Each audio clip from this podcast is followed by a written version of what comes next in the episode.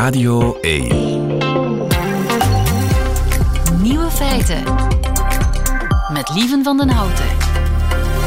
Dag en welkom bij de podcast van Nieuwe Feiten van 4 november 2023. In het nieuws vandaag dat de grootste oplichting in de filmgeschiedenis aan het licht is gekomen. Inderdaad, de leeuw van MGM, de filmstudio. U kent hem, die leeuw. U kent hem van dat korte filmpje voor de echte film. Wel, die leeuw, daar is iets mee. Dat is geen leeuw. Dat heeft de geluidstechnicus bekend die destijds aan het filmpje heeft meegewerkt. Geen leeuw, maar een tijger. En waarom geen echte leeuw? Wel, zo klinkt een leeuw. Ja.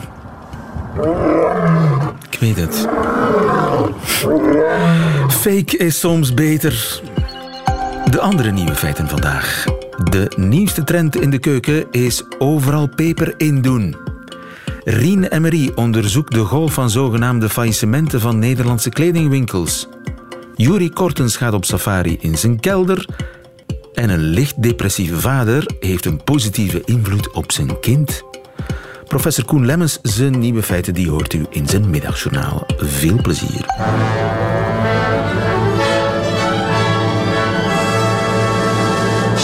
Nieuwe feiten.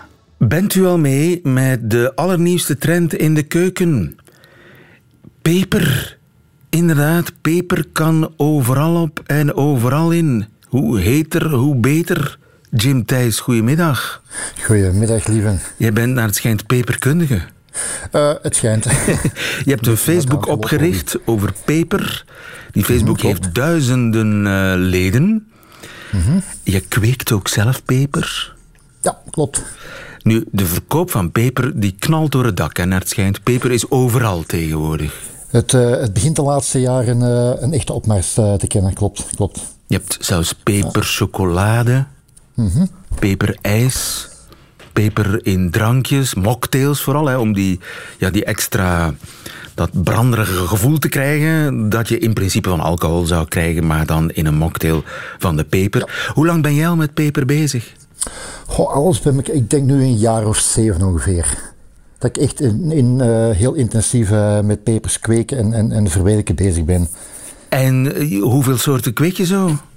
Uh, vorig seizoen heb ik, uh, oh, dat gaat iets van een 200, 250, 260 uh, verschillende soorten geweest zijn. 260 verschillende soorten pepers? Ik wist niet eens dat er ja. 260 verschillende soorten pepers waren. Ja, er zijn er tientallen duizenden. En er komen er jaarlijks, jaarlijks nog een hoop bij. Dus, er komen er altijd maar nieuwe bij, hè? Ja, ja, ja, ja Dus die worden dan opgekweekt, gekruist. Hoe zit dat? Ja, klopt. Uh, ja, een, een, een, peper is, is heel kruisgevoelig, dus je kunt je heel gemakkelijk mee kruisen, verschillende soorten, om, om, om nieuwe fenos te krijgen, nieuwe smaken te krijgen. Ja, en tegenwoordig is er zelfs uh, een soort wedstrijd aan de gang om ter strafste, hè? Want de ja. Peper X, hoe heet die? Peper X is de strafste aller tijden? Dat is uh, recent de, de pikantste geworden, ja. Ben je daar jaloers op? nee, niet echt. Nee? Nee, nee, nee, toch niet. Jij wil niet om ter strafst? Nee, nee. Waar is het jou dan wel om te doen? Uh, vooral om de smaken. Echt, echt om te kijken, wat kun je er allemaal mee, wat kun je ze allemaal in verwerken. Uh, ja, echt, echt het, het, het straf, straf, strafst is, is niet zozeer aan mij besteed. Ja, ik zeg, ik probeer het, probeer het vooral in, in, in, in heel veel uh, gerechten te verwerken. Um, en waar stop je het dan allemaal in? Minder, te, te, minder bekende eigenlijk vooral. Goh, in, in, in olie, chili, zouten, uh, chili confituurs. Oké, okay. um, peperconfituur. Ja, natuurlijk, ja, waarom niet? Ja, klopt. Um, chocomousse bijvoorbeeld. Mm. een advocaat met chili in en daar dan weer talloze gerechten mee, mee proberen te ontwikkelen. Ja, want het gaat jou om de smaak. Maar ja, peper kan zo pikant zijn dat je hem nauwelijks nog proeft, hè, toch? Ja, klopt, klopt, klopt. Maar daar kun je ook wel op trainen. Ah. Je kunt je tolerantie opbouwen. Uh, en eens dat je to tolerantie wat hoger is, ga je ook de, de, de, de smaken, de geuren, de kleuren uh, meer respecteren van de pepers. En, en, en ook echt proeven. Dus je kunt trainen, pepertraining volgen eigenlijk, als ja, het ware. Ja, ja. absoluut, en dan moet je dan absoluut, elke dag peper eten en elke dag een beetje straffer en een beetje heter klopt. gaan? Klopt, klopt, helemaal. Ja. Nu, het gaat natuurlijk ook wel om die, die, ja, die pikant kanterie, hè? om de kick. Er is niet alleen maar je smaakpapillen die worden eh, geprikkeld. Ja, mijn haar gaat ervan overeind staan. Je, je, je met je hele lichaam reageer je daar toch op? Ja, ja, klopt, klopt, klopt. Dat is ook het, het, het verslavende aan pepers, ehm, omdat het, het lichaam denkt dat, dat het in brand staat, om, om het even zo te zeggen. Dus eh, het lichaam gaat endorfines aanmaken Ah, om een gelukzalig gevoel te krijgen, maar ook om de pijn een beetje te verzachten. En net die endorfines, ah, die maken het dat het een beetje verslavend wordt eigenlijk. Hè. ah ja, een beetje vergelijkbaar met de, de runner's high, als het ware. Als Ja, je absoluut, gaat ja. joggen, Perfect, na ja. een Klopt. paar kilometer voel je een soort high. Ja, ja. En jij voelt die high als je veel peper eet. ja absoluut. Absoluut, ja. En je gebruikt zelfs het woord verslavend. Eh, ja, ja. Is dat dan niet gevaarlijk? Dat, Dus jij bent echt verslaafd. Als je, een paar, als je een dag geen peper eet, wat gebeurt er dan? Ja, zo, zo erg is het nu niet, maar, maar ik, denk, ik denk toch wel dat we mogen spreken van een gezonde verslaving. Oh ja, want het is gezond. En ik denk, absoluut, absoluut. Een peper bevat eh, bijvoorbeeld meer vitamine C dan, dan, dan ehm, citroen of appelsine, om er iets te noemen. Ehm, het zorgt er ook voor dat eh, het metabolisme sneller gaat. Dus je zou, er zijn een aantal studies gebeurd. Je zou veel minder kans hebben om eh, hart- en vaatziekten te, eh, te ontwikkelen. Ehm, En, en het, het helpt je metabolisme vooruit, dus je kan er ook slanker van worden. Ja, het, het zal nu geen afslankmiddel zijn, maar het zal alleszins wel helpen. Net Ja, omdat het, het metabolisme Mocht dat het geval zijn, dan eh, ben je, ben je eh, als een stengel zo dun. nee, nee, dat nu ook wel niet, maar ehm, ja, het, het, het, heeft heel veel voorde- voordelen. Ja. En als je dan toch eh, in de overdosis gaat, want dat kan ook, hè, dat je echt dat het, dat het, eh, dat het pijn doet. Heb je Ja, dan, wel, jawel, jawel. Overkomt jou dat nog? Absoluut, absoluut. Als Ja? je echt te veel, dan, dan kun je echt wel krampen krijgen. Eh capsaicinekrampen noemt men dat dan. Ja, dat is dan wel een kwartiertje, twintig minuten wat buikpijn. Maar dat gaat dan ook wel gewoon over. Eh, Capsaicinekrampen. capsaicinekrampen, ja. Want capsaicine, dat is die, die, die stof die voor die rush Ja. zorgt. Dat is de werkzame stof die het eh, de peper eh, pikant maakt. Ja. Met tranen uit je ogen en zo. En je- neus die helemaal in brand staat. Wat is de beste truc om te blussen? Melk, yoghurt, ijs, suiker, brood. Absoluut geen water. Geen water. Ehm, nee, nee, nee, omdat capsaicine is een olie dat, dat, dat, dat bindt zich, eh, of dat eh, vermengt zich niet met water. Dan ga je het eigenlijk erger maken. Oké, dus geen water drinken als je een overdosis peper hebt genomen, maar yoghurt eten. Nee. En brood. Iets, iets, iets met veel vetten, ja. Oké. eh, Nou, ik, ehm, ik weet wat mij te doen staat. Wat is, jou, wat is voor jou de lekkerste peper? goh, mijn absolute favoriet is de Seven Pot Infinity. Zeg dat Dat nog een, eens. Seven Pot Infinity. Seven pot. P-O-T. Ja, klopt. Infinity. Dat is, eh, is Infinity, klopt. Klinkt als een Japanse auto, maar het is een peper. Dat is een peper, ja. De, de, de Seven Pots hebben een naam gekregen ehm, door... Je zou met één peper zeven potten chili eh, pikant kunnen maken. Oké. Daar komt het eigenlijk een beetje van. En dus voor jou geldt ook een beetje hoe heter, hoe beter. Ja, toch wel, toch wel. Ik heb, eh, ik heb het graag pikant. Maar ik zeg het smaken primeren nog altijd wel. En die smaak, die, als eenmaal de, de pikantste piek eh, voorbij is, dan proef je dat beter. Ja, ja. Of zelfs ervoor nog. Oh ja? Dat je echt eerst, eerst het zoete, het fruitige... En, en, en dan pas de hitte komt opzetten. Oké, zoet en fruitig. Ik associeer het niet meteen met peper, maar eh, wie weet, het kan als ik mij daarop zou trainen. De Seven Pot Infinity. Kweek je die zelf? Ja, absoluut. Oké. En ga je die straks eten? Eh, die kans is heel groot, want ik heb eh, een pot op het vuur staan. Oké. Dus we nog een saus te maken. Dus, eh, en daar zitten, daar zitten de infinities bij in. De Infinities. Het water komt me in de mond. Jim Thijs, mag je heel veel plezier wensen. Dankjewel voor dit gesprek. Met heel veel plezier. Radio 1. Nieuwe feiten. Op Facebook duiken tegenwoordig elke dag berichten op, gesponsorde berichten, waarin jonge ondernemers aankondigen met heel veel eh, spijt en leedwezen dat ze de boeken dicht doen. Ze gaan failliet en houden uitverkoop.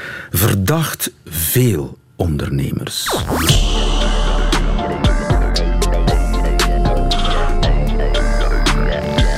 De nieuwe feitenchecker. Rina Marie, goedemiddag. Goedemiddag. Jij zag die droevige berichten ook? Ik, ik heb die gezien, uh, verschillende, ja. Geef eens een voorbeeld.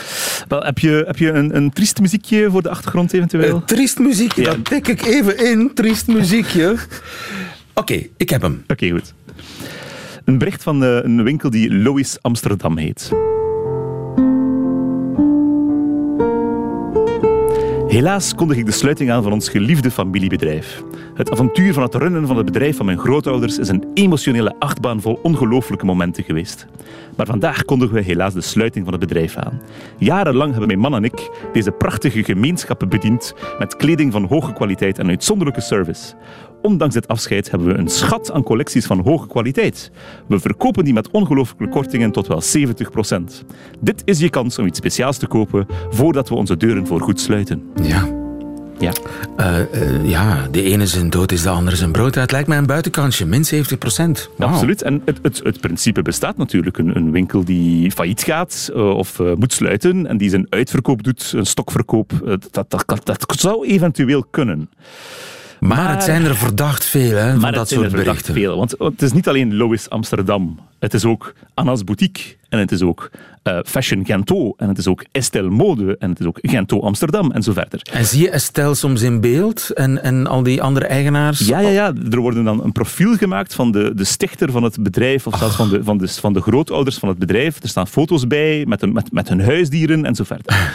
en telkens hetzelfde bericht van ja, door de te grote concurrentie van die grote internetbedrijven, hey, uh, dat kan, AliExpress, we zijn echt failliet gegaan. We kunnen niet anders dan, uh, dan sluiten en daarom is er grote uitverkoop. Hier, klik naar onze webshop door. Ja, maar het zou dus best kunnen, want er is inderdaad heel veel concurrentie natuurlijk van die grote e-commerce eh, bedrijven. En, het klinkt geloofwaardig. En als je gaat naar die webshop, ziet die er ook zeer professioneel uit. Het is niet zo eh, een slechte site. Het ziet er heel, heel stylish en goed uit. Heb je iets gekocht? ik heb niets gekocht, want onder verschillende van die berichten op Facebook staat al meteen van dit is oplichting. Ah. Ik, ik, heb iets besteld, ik heb een trui besteld, die is nooit aangekomen. Oké. Ja, en als je dan wat onderzoek doet naar die webshops, of naar dat verhaal van we zijn een, een winkel die nu moet uitverkoop doen, dan merk je al snel dat er uh, verdachte dingen zijn. Uh, het eerste is natuurlijk die, die, veelheid aan winkels die telkens met hetzelfde verhaal komen. Dat is al een beetje Dat is bijna te toevallig. Ja.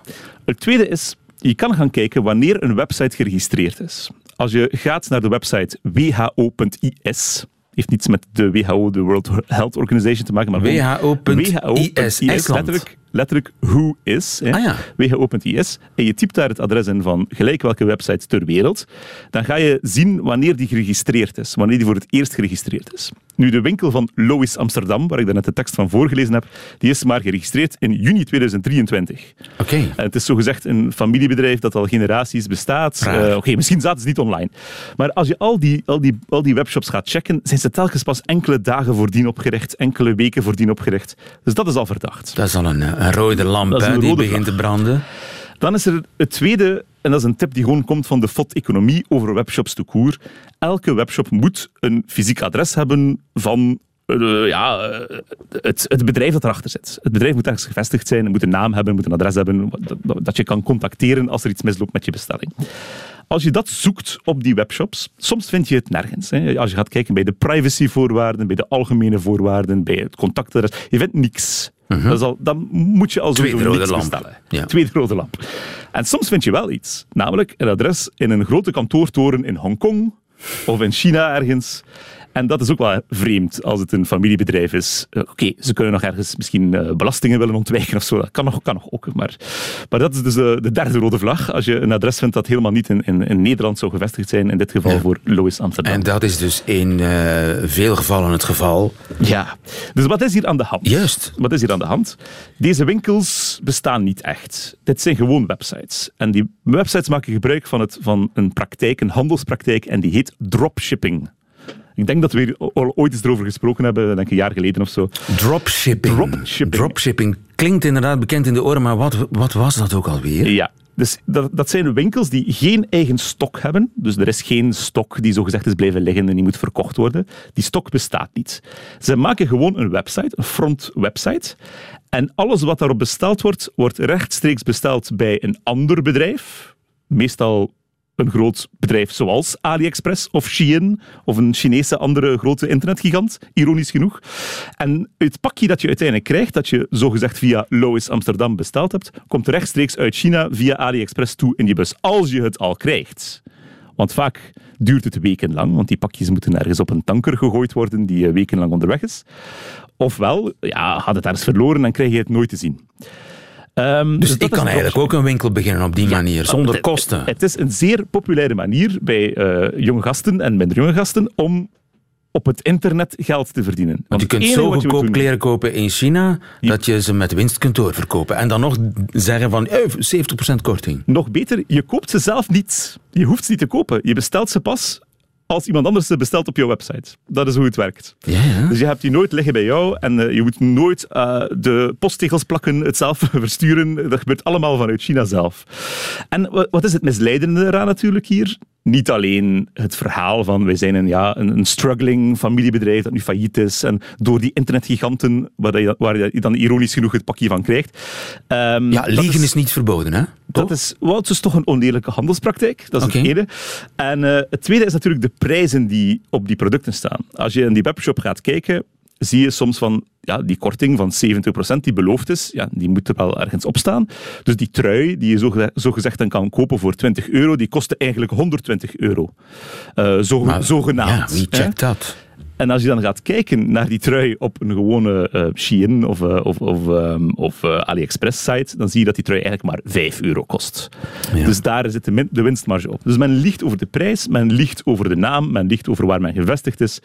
maar dit is toch verboden? Dit mag toch niet? Of wel? wel? Is dit door de mazen van de, is dit de, de, de randjes eraf lopen, de kantjes eraf lopen? Dat is een beetje hoe het werkt. Op de webshop zelf, als, het, als die geregeld is volgens de regels. Want dropshipping is legaal, hè, vooral duidelijkheid. Dropshipping is een legale handelspraktijk. Dat mag. Het enige, er zijn heel veel vereisten. Je moet onder andere je adres erop zetten. Vandaar dat je kan ontdekken of het ergens niet toevallig in China of Hongkong gevestigd is. Um, en er zijn nog allerlei andere voorwaarden over retourvoorwaarden en zo verder. Als die allemaal erop staan op de site, kan dat legaal zijn. De, het bedrog zit hem in de Facebook-advertenties. De Facebook-advertenties die aangekocht worden, uh, meestal door dezelfde oplichters, uh, om mensen te lokken naar de webshop. Op de webshop zelf staat meestal dat verhaal niet over uh, het familiebedrijf ah, dat ja. stopt. Um, dat is een laagje dat er op een andere plaats wordt opgelegd. En dan moet je dat zien te bewijzen, maar die advertentie is al lang verdwenen eenmaal je door hebt dat je opgelegd bent. Dus dat is een beetje hoe het, hoe het in elkaar zit. Oké, okay, we zijn gewaarschuwd. Ja, voor, uh, let op op Black Friday waar je dingen bestelt. Uh, niet, niet, elke korting is echt, dat, uh, dat wil ik nog meegeven. Inderdaad. Dankjewel, Rien en Marie. Tot de volgende. Tot de volgende.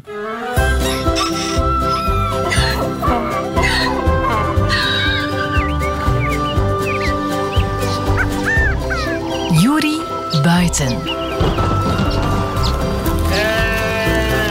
Met Juri Kortens. Ja, elke dinsdag sturen we uh, Juri de natuur in, zodat wij lekker binnen kunnen blijven. Goedemiddag, Juri. Goedemiddag. Juri Kortens van Natuurpunt, waar ben je? Ik ben lekker binnen, lieve. Ja. Juri. Ja, ja, het is geen Je bent aan het brossen. sturen. Ja, ja, maar toch niet helemaal hoor. Ik sta, ik sta net aan de keldertrap en ik ga naar beneden, want zo'n uh, kelder, die kan niet alleen helemaal onder water gelopen zijn, dat valt bij ons gelukkig nogal mee, maar daar zitten ook heel wat dieren in op dat okay. moment, die zich verschuilen voor de koude en het nat. Het is uh, geen weer om een Juri door te jagen en dus gaat Juri Kortes op safari in zijn kelder en wij mogen mee. Juri, je, je staat hier ja. bij de deur? Ik ben, ik ben al helemaal naar beneden gegaan ondertussen. Dus ik ga nog wat verder. Ik ga nog... En ja, hier ben ik helemaal uh, het krochten van, van mijn huis eigenlijk. Hè. ik hoor het. ik hoor wel water druppelen. Ja, maar dat is, dat is niet de kelder, dat is de waterput, de regenwaterput. En je hoort dat tot in de kelder. Dus het is niet de kelder zelf. Het is echt ja, gezellig. Ja. Zo, zo. Ja. ja. wel, wat supergezellig is, is dat hier uh, allerlei dieren gewoon zich hebben verschanst in mijn kelder. En de mooiste... Je hebt een dierentuin in je kelder, Jury. Ja, ik sta hier bij Dagpauwoog. Huh? Uh, en die hangt tegen het plafond. Uh, en je ziet hem niet? Ja, je ziet hem niet tenzij je het licht aandoet. Dus je ziet, die, je ziet die wel, maar het lijkt wel alsof dat er een dorblaadje hangt. Omdat die onderkant is zo donkerbruin, roestig. Nee, roestig niet donkerbruin. En het heeft een gekartelde vleugelrand, waardoor dat hij op een uh, dorblad lijkt. En is die echt in dromenland op dit moment? Die is, ja, in dromenland. Die, die is toch wel waarschijnlijk wel een beetje... Uh, actief nog wel. Die is bewust van wat er zich rondom hem gebeurt. Want het kan natuurlijk wel eens zijn dat er een, een, een roofdier komt. Ik zeg maar, een muis ja. die langskomt. En die heeft daar en je een hele... stoort hem op dit moment niet met je gebabbel? Nee, allee, ik weet het niet, maar ik kan hem wel eens storen en dan ga je misschien iets heel geks huh? te horen krijgen. Want ik, ga, ik, ga, gewoon proberen. Je, je, weet maar nooit of het lukt. Misschien is die wel gewoon helemaal aan het slapen. Maar ik ga een beetje dichterbij met mijn microfoon.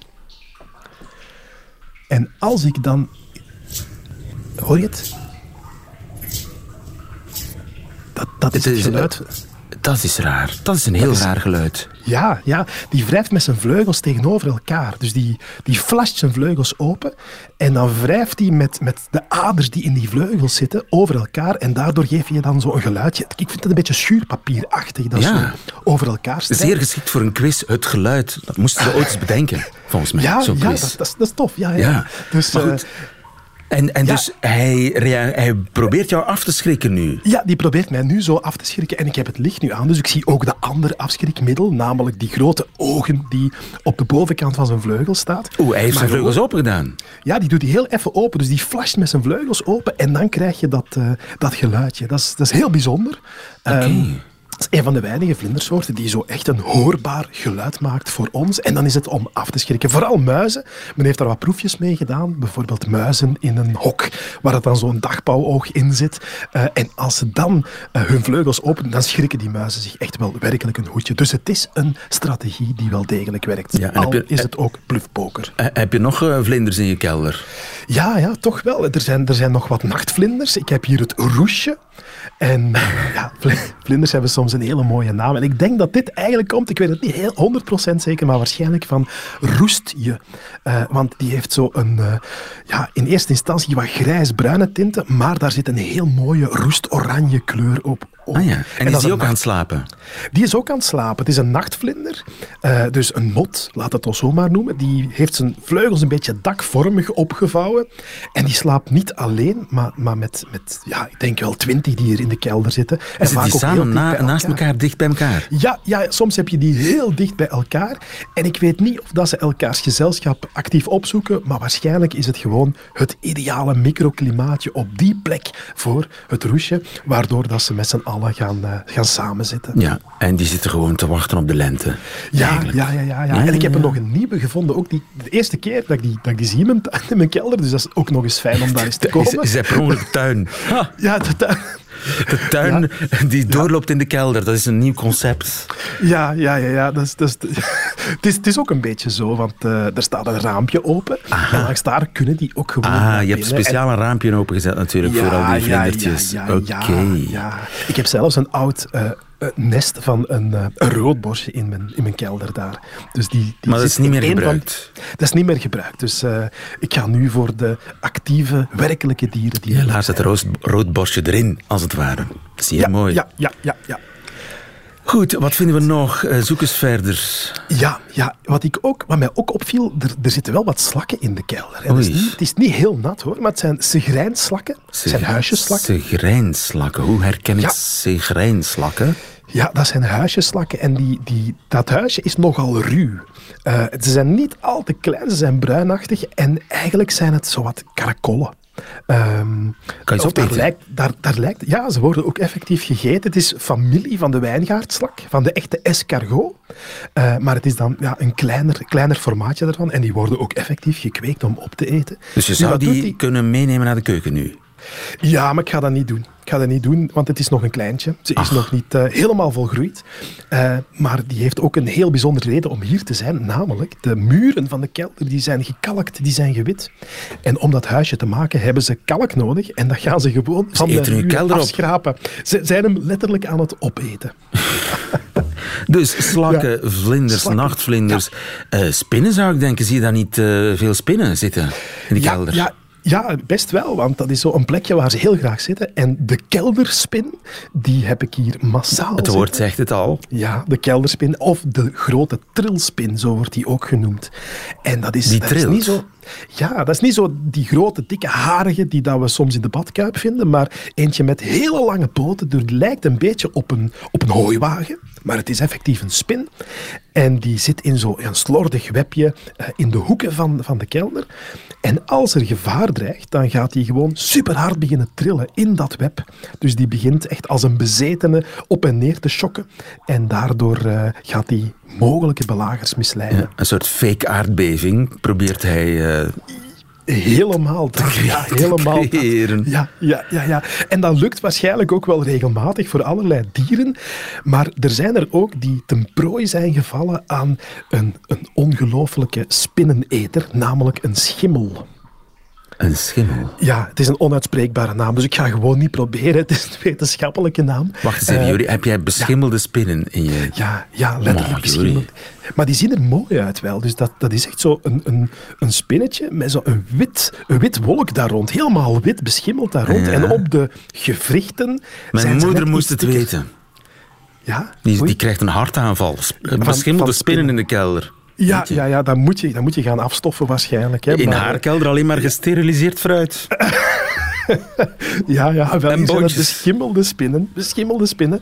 En ja, dat is een, een schimmel die dat ehm, ja, echt in die via de gewrichten naar binnen gaat en die dan die spin helemaal langs binnen gaat verteren. En wat ik nu zie, dat zijn eigenlijk de, de schimmeldraden waar de sporen aankomen.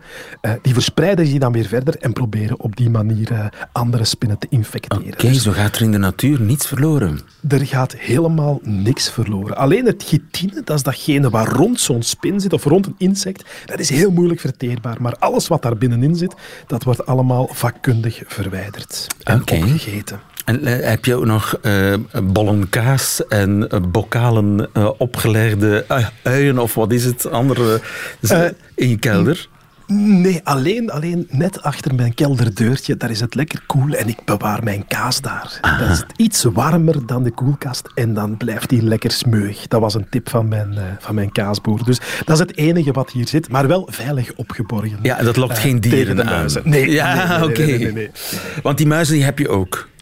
Eh, ja, uiteraard. Er zitten altijd wel ergens muizen. Nu vind ik eigenlijk heel weinig eh, aanwijzingen rond deze periode. Dus ik zie nergens geen, eh, geen keuteltjes van muizen of ratten. Maar het, het kan wel eens voorvallen. En meestal is dat de gewone huismuis. En heel af en toe ook wel eens de spitsmuis. Die, die insecten eet en die, die ook spinnen eet. Ja. En die dus misschien in zo'n kelder nog net wat kan vinden. Pisbedden bijvoorbeeld. Goed, eh, mocht u zelf ook eens zin hebben om op safari te gaan eh, in uw kelder, dan heeft Juri Kortens u geïnspireerd, mag ik hopen. Dankjewel Juri en volgende week weer echt naar buiten. Ja, absoluut. Tot volgende Tot week. volgende week.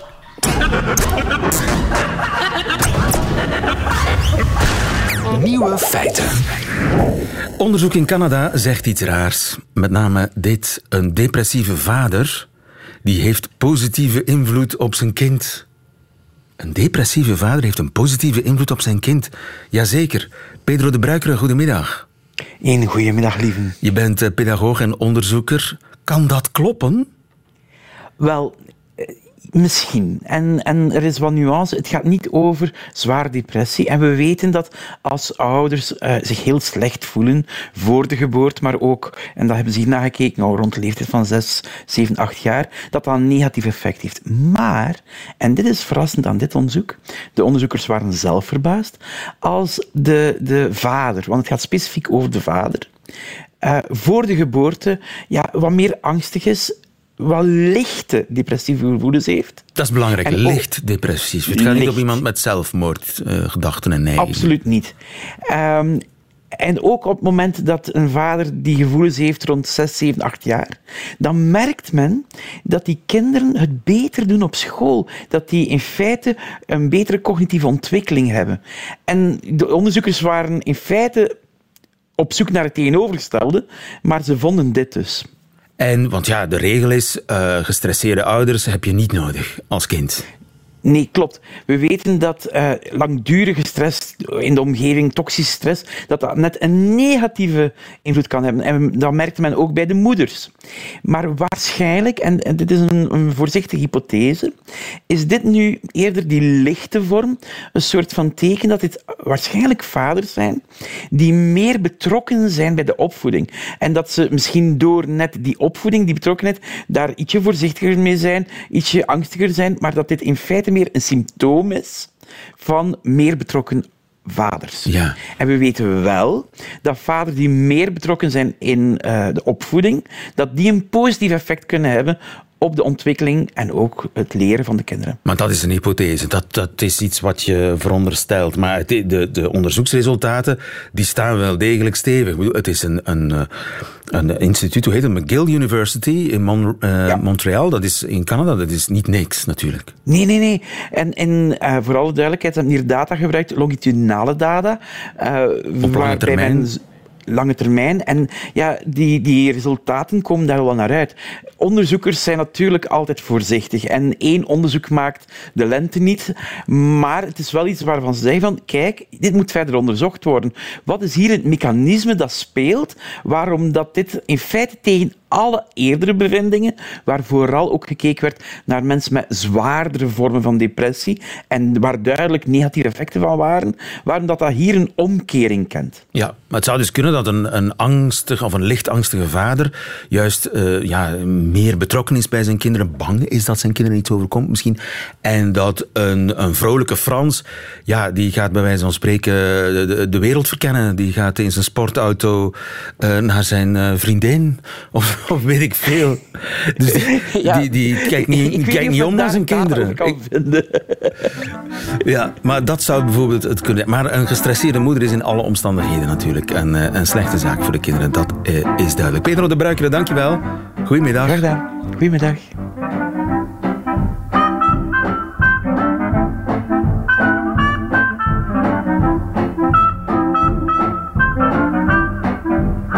De BBC intussen is vandaag business as usual voor King Charles op zijn 75ste verjaardag. Jawel, volgens de BBC wil Charles zo normaal mogelijk doen op zijn verjaardag en dus gaat hij vandaag naar een receptie, zoals elke dag. Maar deze keer is het een receptie ter ere van de ook al 75-jarige gezondheidsdienst NHS en lanceert hij een project om voedselverspilling tegen te gaan. Business as usual dus. Vanavond is er wel een klein feestje op Clarence House en daar zullen William en Kate bij zijn, maar niet Harry en Meghan. Die kregen geen uitnodiging namelijk. Harry heeft wel al met zijn vader gebeld om hem te feliciteren. Overigens viert Charles, zoals elke Britse vorst uh, sinds 1748, zijn verjaardag twee keer. Destijds hield uh, King George II van feestjes, maar zijn verjaardag viel in november. En vanwege het weer was het toch beter om ook een zomerfeestje te houden. En dat werd het bekende Trooping the Colour. Ook Charles is jarig in november, vandaag dus. En dus komt er uh, geen groot feest buiten. Maar hij heeft wel besloten om Trooping the Color in ere te houden. En daarmee heeft u alle nieuwe feiten gehad van deze 14 november. Behalve die in het leven van een professor publiek recht. En die heet Koen Lemmens. Dit is een middagjournaal. Nieuwe feiten. Middagjournaal.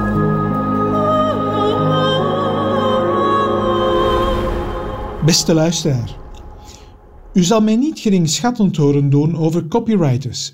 En al zeker niet nadat Hanne Lemmens, overigens geen familie, de bekende sausfluencer en tekstschrijver, deze zomer over haar wedervaren op een Provençaals wijnfeest tweet. Live, het uitgebreide menu, de begeleidende twee glazen wijn bij elk van de dertien gangen, de jaren zeventig deuntjes en de uitgelaten vreugde van Marcel, Janine en Marie-Pierre. Alles werd door Hanne kundig. Het was participatieve journalistiek, het was gewaagd en gedurfd, het was grote literatuur. Dit jaar las ik al veel mooie dingen, maar weinig dat kan tippen aan Hanne Lemmes een 14 juillet en Provence. Als ze willen, kunnen copywriters hoogst entertainend zijn. Maar ze willen dus niet altijd. Sjoeke, ja schatteke, weet jij waar ik nu goesting voor heb? Zeg het eens, bolleke. Een renovatie van ons dakkapel. Oh ja, lieveke, wat een goed idee. En het zijn juist kortingen bij Plavuisco. Allee, waar wachten we op? Pakt uw frak en we zijn naar Bornem of Glabeek. Hehe, ook open op zondag. Dat soort tenenkrullende dialogen, in het allerergelijkste verkavelingsvlaams, loost de reclamemaker ook gezwind de eter in. Zou er echt iemand zijn die dat origineel of authentiek vindt? Bestaat er een universum waarin dit soort gesprekjes naturel klinken of uit het leven gegrepen zijn? Als dat het leven is, waarom kwalificeert het dan niet als voltooid in de zin van de euthanasiewetgeving? En als je Plavuisco bent, of Betonac, Renault of Sunny Peters, waarom geef je je geld uit aan dat soort deerniswekkend amateurtoneel dat de mensen vooral irriteert? Doe dan zoals Donald Muilen en prijs je ware zelf aan. Dat is pas authentiek en geloofwaardig. Donald, de man die de keukens maakt alsof ze voor zichzelf zijn. Het zou al een hele stap voorwaarts zijn, beste luisteraar, mochten copywriters reclamespots maken alsof ze er zelf naar moeten luisteren.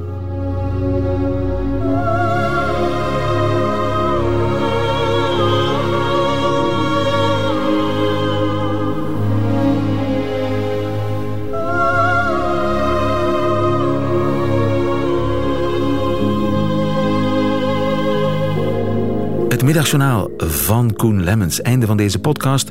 Hoort u liever de volledige nieuwe feiten met alles erop en eraan? Dat kan natuurlijk live. Elke werkdag tussen 12 en 1 op Radio 1.